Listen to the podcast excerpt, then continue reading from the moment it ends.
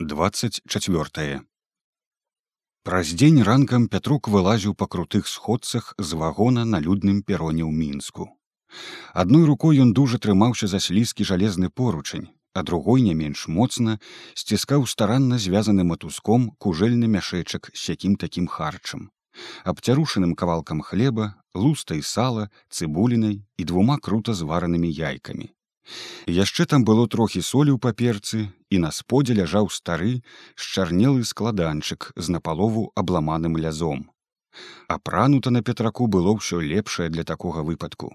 Не новыя, але чыстыя картовыя штаны, вымытая сцепанідай сацінавая кашуля, трохі праўда, залапленая для каўняра ззаду але лапікла таго не было відаць, бо на плячах быў надзеты руды да матканага сукна пінжак у нутраной зашпіленай кішэні якога ляжала сцепанідзіна хадайніцтва з двадцацю сямю подпісамі. Там жа быў і чырвонец. Другі чырвонец ён размяняў у лепелі, як купляў білет у вагон. Рэшту трэба было ашчаджаць, каб вярнуцца. Так ён памалу клыпаў па людным пероне сярэднязвыклай для яго людской гаманы і беганіны, скаланаючыся ад раптоўных паравозных гудкоў і знянацкага чмыхання пары з-пад абмазучаных вагонных колаў. Галава яго была быў п'янага. Аж гулоў ёй і круцілася, і ён не разумеў, ці то ад бяссоннай начы ў перапоўненым людзьмі вагоне, ці ад гэтай гарадской калатнечы. Галоўна ён не ведаў, куды падацца з вакзала і добра што ў вагоне трапіўся чалавек з халопеніч які і паказаў куды яму трэба рушыць. І пятрок скіраваў ад вакзала вузенькім тратуарам беручы бліжэй да будынкаў часам аж натыкаючыся на бляшаныя трубы што тырчэлі на сценах. Але ён баяўся апынуцца на краі бо па бруку раз за разам з грукатам і лязгам несліся трамваі. Не дай бог наедзе так і трыбухі вон Таму ён ціснуўся да камяніц з бясконцым чаргаваннем дзвярэй і акон. У некаторых былі выстаўлены нейкія тавары, але ён не глядзеў на іх. Неяк з дзвярэй шыбанула чымсь смачным, і ён аж спыніўся, глянуў. Здаецца, то была сталоўка. За невялічкімі столікамі сядзелі па чатыры чалавекі і ели штось белае на талерках, мабыць, пшонную кашу. У другім месцы пачалі трапляцца людзі насустрач, што неслі свежыя буханкі хлеба. Некаторыя часам адломвалі ад іх скарынкі і кратком на хаду жавалі. Далей уздоўж нізкай абшарпанай будыніны выцягнулася шумная гаманкая чарга, пачатак якой хаваўся ў расчыненых дзвярах з вялізнымі літарамі хлеб на шыльдзе. Пятрок аж падзівіўся, столькі народу і ціха пайшоў па бруку амаль страхавіта мінаючы той чалавечы гармідар. Далей па вуліцы і на тратуары было вальней. Яшчэ праз невялікі час, не дайшоўшы аднак да павароткі, дзе халопеніцкі чалавек наказваў павярнуць управа, ён адчуў, што зрабіў памылку, абуўшы сохлыя за вясну боты, якія цяпер страшэнна мулялі ў пальцах, аж неяк было ісці. Знаў бы, дык паехаў бы лепш босы. Але босых тут не было відаць, усе ішлі абутыя, не тое што ў вёсцы. Ды сцепаніда насела. Абуй боты нягожа цяпер у горадзе босым. І во абуў на сваю пакуту. Але неўзабаве ён забыўся на боты мо прыцярпеўшыся а мо ад здзіўлення якое ахапіла яго на рагу дзвюх вуліц як ён убачыў той гмах шэрую не зразумець наколькі паверхаў будыніну цэлае нагрувашчванне камяніц з аднолькавымі вокнамі але няроўных памераў і няроўна пастаўленымі фасадамі то бліжэй то далей ад вуліцы. За грамадным пляцам дваром пасярэдзіне і вялізнаю з настольнік палатніной сцяга паверсе. Там жа под дахам быў і каменны герб беларусі. Ну ведама то быў самы галоўны дом мінска дзе засядаў урад. Пятрок замарудзіў хаду. Трэба было сабрацца з духам набыць рашучасці Гэта ж не сельсавет і не райвыканкам, дзе ступіў тры крокі з вуліцы і ты ўжо ў дзвярах на парозе. А тут перш трэба было адгадаць, дзе тыя дзверы, ці можа вароты, каб падысці да іх. Але ж там пэўна ахова, ці яна пусціць яго без дакументаў. Трэба будзе прасіцца. Усё болей пабойваючыся і трацячы невялікую сваю рашучасць, Пятрок памалу ішоў уздоўж дома палаца і ўсё ўзіраўся ў прыступкі, дзверы, якіх тут было за многа нават для такога гмаху. Да якіх падысці. Ён думаў, што можа хто скіруе туды з вуліцы, тады б і ён павярнуў следам. Але з вуліцы ніхто туды не скіроўваў, усе ішлі ўздоўжкі па тратуары. Невядома, колькі мінула часу, але сонца напэўна недзе ўзышло. Толькі ці яго тут убачыш сярод камяніц. У доле скрозь ляжаў густы і прахладны нібы ў ельніку цень. Так нічога не вырашыўшы і ні на што не наважыўшыся пятрок мінуў шырокі падворак пляц пратупаў яшчэ крыху і ўбачыў збоку дужа прыгожы змураваны з чырвонай цэглы касцёл. Іншы раз ён бы палюбаваўся гэткай спрытнай збудоўкай але не цяпер заклапочаны ён памацаў пад шпількай сцепанідзіну паперыну. Хацеў быў закурыць але захваляваўся павярнуўся і зноў пайшоў да дома ўрада. На гэты раз ён не дужа разглядваў яго і не выбіраў прыступкі. Ён павярнуў да тых што былі насупраць пад радам зашклёных дзвярэй. На прыступках і ля дзвярэй было пуста але прыгледзеўшыся пятрок заўважыў за шклом штосьці белае якое спярша памалу варушылася а затым насцярожана знерухоміла. То быў міліцыянер. Пятрок пазнаў яго па белай кашулі, перакрэслены наўскось чорным паскам ад рэвальвера, белай з зоркай фуражцы на галаве. Стала відаць, як міліцыянер з-за шкла з вялікай увагай сочыць за петраком, які ўжо выйшаў на сярэдзіну падворка, аднак усё болей замаруджваючы сваю хаду. Вялікім намаганнем ён прымушаў сябе ісці, але ногі кепска падпарадкоўваліся яму упарта наравілі павярнуць у бок туды дзе было многа людзей і куды не дасягаў позірк міліцыянера. І так сталася што ногі перамаглі збочылі ад прамога кірунку. Пятрок перастаў камандаваць імі і сам з вялікай палёгкай падаўся прэч з падворка да вуліцы на тратуар Тут ён скінуў сябе напружанне, уздыхнуў, адчуў, што ўвесь мокры ад поту, нібы на тым пракосіў бараннем лозе, і некалькі часу ішоў па вуліцы, мала што прыкмячаючы навокал. Ён праклінаў сябе за нерашучасць, за тое, што ўлез у гэту справу, дакараў за гэткі дурны характар і ўгаворваў не хвалявацца, не баяцца дужа. Ну што яму той міліцыянер? Хіба ён ішоў сюды з кепскім намерам, Ён папытаць проста як дайсці да таварыша чарвякова ці хоць бы перадаць яму тыя паперы. Што ён па сваёй волі гэта ці гэта яго інтарэс Ён жа выканаўца агульнай справы па даручэнні сяльчан. Сам ён тут амаль што старонні перадасць і пойдзе назад чаго хвалявацца. І тым не менш не мог суняць страхавітага хвалявання і мог сысці немаведама куды ў гэтым горадзе і згубіць дом урада. Пятрок спыніўся трохі расслабіў правую нагу, якую пэўна ўжо намуляў дашчэнту, рукавом пінжака выцер пот з твару. Не, усё ж ён падыдзе да міліцыянера, каб толькі спытацца і нічога болей, Нашто баяцца. Пятрок зноў пашкандыбаў да будынка гмаху, стараючыся не звяртаць увагі на бот, які па-ранейшаму націраў пальцы як на тую бяду да яго падступілася і ўсё болей пачынала турбаваць звычайная чалавечая патрэба. Але цяпер было не да яе і пятрок трываў. На рагу будынка аднак ён замарудзіў крок каб не адразу сунуцца на пляц падворак але ўсё ж сунуўся прамінуў кветнік у доле і павярнуў да прыступкаў баючыся нават зірнуць туды. А як зірнуў дык зноў ледзь не спатыкнуўся Ля тых самых дзвярэй на ганку стаялі аж два міліцыянеры ў белым і моўчкі на ўсе вочы глядзелі на яго, бы толькі яго і чакалі. Пятрок, нібы заяц у зімовым полі, апісаў на асфальце крутую пятлю і ледзьне подбегам вярнуўся на вуліцу. Пакуль мінаў дом урада стараўся надаць сабе выгляд чалавека, у якога процьма немалаважных спраў і якога тут зусім не цікавіць нічога. Мала што заўважаючы навакол, Ён адышоўся далёка за чырвоны касцёл і ўжо не спыняўся.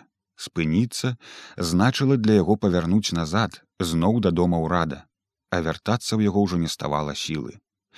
Зноў жа ягоная патрэба вымагала пэўнага месца, якога ён нават не ведаў, дзе тут шукаць. Ён толькі дазволіў сабе дастаць капшук і згарнуць цыгарку. Закурка трохі супакоіла яго. І Пятрок не першы ўжо раз, але дужа выразна падумаў: Нашто ён паехаў сюды. Зажыве нага, хай бы сцепанідай ехала.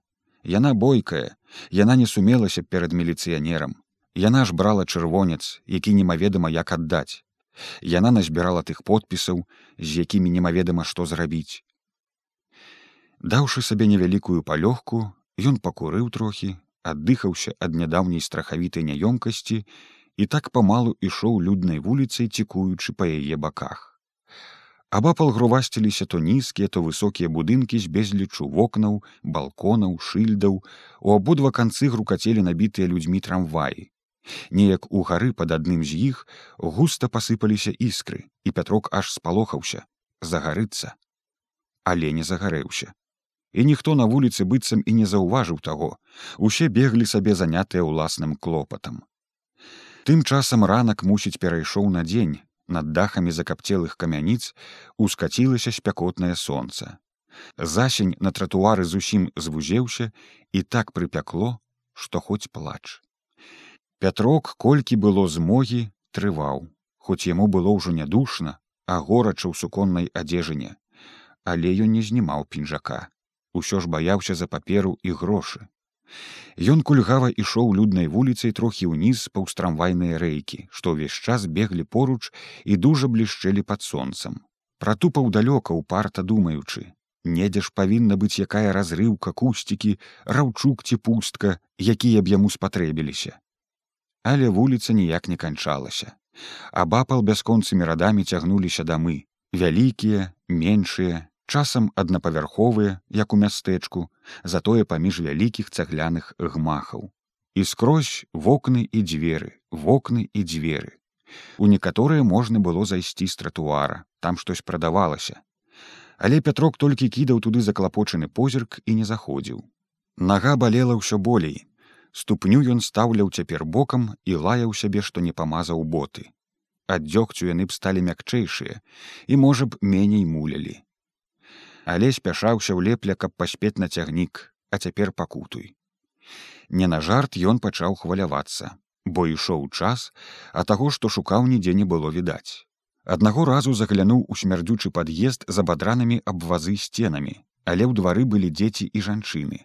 Адна вешала на вяроўцы бялізну і дужа цікаўна паглядзела на яго. Ад няёмкасці ён моўчкі павярнуў назад і хуценька выйшаў на вуліцу. Добра, што нічога не запыталася, што б ён адказаў ёй. Наперадзе па той бок вуліцы зазелянелі высокія дрэвы, мусіць нейкага сквера. Ён трохі прыспешыў крок, але неўзабаве зноў пайшоў цішэй. Там таксама было поўна людзей, што сядзелі на лаўках, чыталі, побач гулялі малыя, іншыя проста шпацыравалі па цяністых дарожках. Насустрач па вуліцы ішла маладая жанчынка, трымаючы ў адной руцэ павадок з лахматым сабачкам, а ў другой распушчаны над галавой парасон. І пятрок падзівіўся. Было ж так сонечна, ніводнай хмаркі на небе. І ён пастаяў трохі, паазіраўся і зноў пакутна пакуль гікаў туды, дзе вуліца пераломвалася на пагорку і збоч сквера заладна расфарбаваным дамком з прыгожымі вокнамі зноў высіўся шэры гмах вельмі падобны на дом урада. Па гэты ж бок вуліцы цягнуўся высокі дашчаны плот, за якім быў відаць немалы двор з вялізнымі каштанамі над пакатым дахам. Вароты ў двор былі шырока расчынены, хоць там нікога не было відаць, толькі чуваць. Лілася цякла вада. Пятрок нясмела зазірнуў з-за пахілага шула, збоч ад каштанаў у густым цяні дрэў тырчэла металічная тумба калонка, ля якой поркалася цыбатая дзяўчынка ў стракатым сарафаніку. Далей віднеўся нейкі хлявок, цямнеліся зараснікі бэзу, дзядоўнік у доле. Падобна, там магло быць тое, што яму цяпер было трэба. Як ён увайшоў, дзяўчынка адразу ўскочыла ад меднага таза з мыльнай вадой. У руках у яе былі зграбныя маленькія апранашкі, мабыць, ад лялек, жвавыя вочки дзіцяці усмешыста ўставіліся ў яго. Пятрок падышоў бліжэй і сказаў першае што набрыло ў галаву. Ці можна напіцца каб? Можна ахвотна адказала дзяўчынка ў стракатым сарафаніку з якога выглядвалі худзенькія загарэлыя плечы. Пятрок думаў што яна пабяжыць у хату паконаўку ці які кубак а яна тут жа хуценька нешта ўзяла з бруку ці сканула рычаг тумбы калонкі долу празрыстым струменем палілася вада. Ён ашчадна ўзяў з яе мокрых пальчыкаў белы сцюдзёны кубак. Піць зусім не хацелася але во прыйшлося. І аддаючы кубак ён лихаманкава матлянуў позіркам па зарасніках ля хляўка. Здаецца не памыліўся. Сапраўды наводдаль была прыбіральня. Дзяўчынка запыталася пра нешта але ў яго ўжо не ставала трывання стараючыся спакайней але ўсё ж мабыць подбегам ён шыбануў па сцежцы зарослай абапал дзядоўнікам калі ён вяртаўся дзяўчынкі ў двары не было Ля калонкі стаяў яе медны таз, ад якога дробна брукаванай канаўкай цякла па схіле вада. Пятрок трохі парадаваўся. Усё ж было нялоўка перад гэтай гарадской малечай. І ён адчуў сябе амаль шчаслівым, калі апынуўся ўрэшце на знаёмай вуліцы. Але тут яго зноў апанаваў клопат. Што рабіць далей? Усё ж надта вымагала справа, дзеля якой прыехаў. Няўжо ж ён такі недалэга, што паедзе дамоў ні з чым, што ён скажа тады сцепанідзе што скажа сцепаніда яму ён добра ведаў. З узноўленай горкай рашучасцю ён патупаў па той жа спякотнай старане вуліцы ў процілеглым напрамку.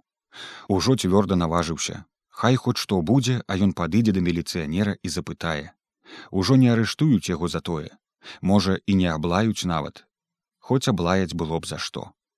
Але ён ветліва папытаецца як пабачыць таварыша чарвякова. Калі не зараз дык можа пасля.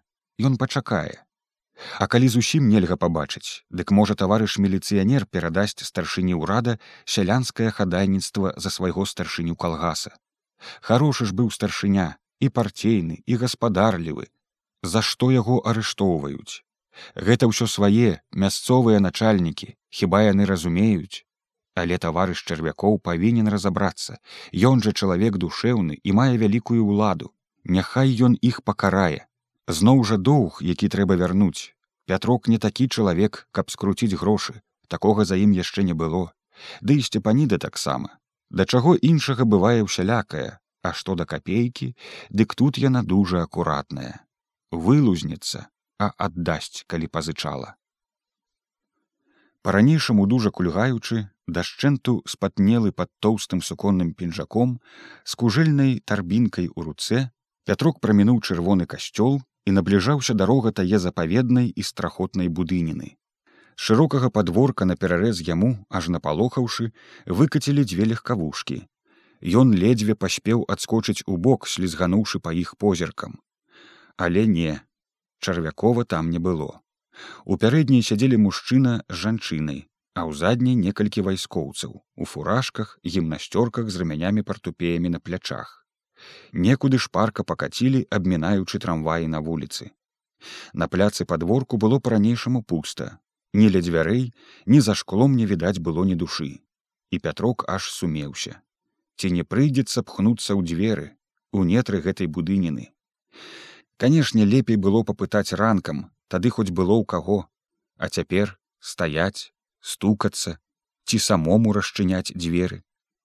Дужа паволі, нібы абмацваючы падэшвамі кожны прыступак, ён падняўся на шырокі каменны ганак і падышоў да бліжніх дзвярэй. Спярша зірнуў праз шкло, каб убачыць каго ўнутры і аж схамянуўся ад сполаху. Такі нехуцавы чалавек пазіраў на яго з-за шкла, аброслы сіваю шчэццю твар, засмяглыя крыўдліва пакрыўленыя вусны, страхавіта раскрытыя вочы. Сіняя кашуля на грудях была ўся мокрая ад поту. Пот сцякаў па твары і мутная кропля вісела на канцы недаўгога бульбінай носа. Пятрок абцёрся нясмела крануў шырокую ручку дзвярэй патузаў ды дзверы не скрануліся нават. Тады ён папіхаў іх ад сябе але таксама марна у той час за шклом нешта мільганула і ён пачуў невыразны голас Ну канешне, то быў міліцыянер у знаёмай белай кашулі белай фуражцы з зоркай над казырком.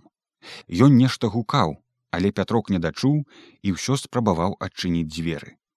Тады міліцыянер за шклом сігануў у бок і за два крокі ад пятрака лёгка расчыніліся другія дзверы аказваецца яны былі і не зачынены пятрок сумеўся ад няёмкасці але хіба зразумееш якія тузаць калі іх тут некалькі вам што грамадзянин здаецца то быў другі міліцыянер не ранішні малады з прыемным чарнабровым тварам танклява перацягнуты шырокаю з наганам дзягай На яго белых грудях лёгенька целяпаўся ланцужкамі невялічкі значок, а рука з гадзіннікам прытрымлівала расчыненымі цяжкія дзверы, запрашаючы заходзіць унутр. Але пятрок ужо не хацеў заходзіць. Паклаўшы ля ног тарбінку, ён дрыготкімі пальцамі расшпіліў воглую ад поту кішэню, з якой асцярожна выцяг добра такі пакамечаныя лісткі хадайніцтва. Мне каб да таварыша чарвякова, во тут напісана дык з яўнай зацікаўленасцю на твары міліцыянер узяў тыя лісткі неяк дужа спрытна прабег позіркам не надта прыгожае сцепанідзе напісання і рашуча склаў яго ў чатыры столкі позна ты прыйшоў дзядзька. Дык мо пачакаю. Надта доўга прыйдзецца чакаць. Во як паныла сказаў пятрок усё яшчэ мала што разумеючы. Здалося міліцыянер кпіць з яго ці жартуе. Але калі не жартуе дык што ж тады рабіць? І гэта яшчэ доўг у мяне. Знаеце чырвонец павінен аддаць каб. Які чырвонец каму? Ну таварышу чарвякову пазычаў жа. Прыгожы міліцыянер у твар стаў пакутна напружаны. Быў чалавека забалеў жывот. Мусіць ён таксама хацеў і не мог зразумець чагосьці. Ха пазычаў цяпер на тым свеце расплоцішся дзядзька. На гэтым не ўдасца. Памёр чарвякоў. Гэтак. Міліцыянера паклікалі ўнутр будынка а пятрок застаўся перад дзвярыма на ганку. Здаецца ягоная справа сапраўды скончылася назаўжды і разам.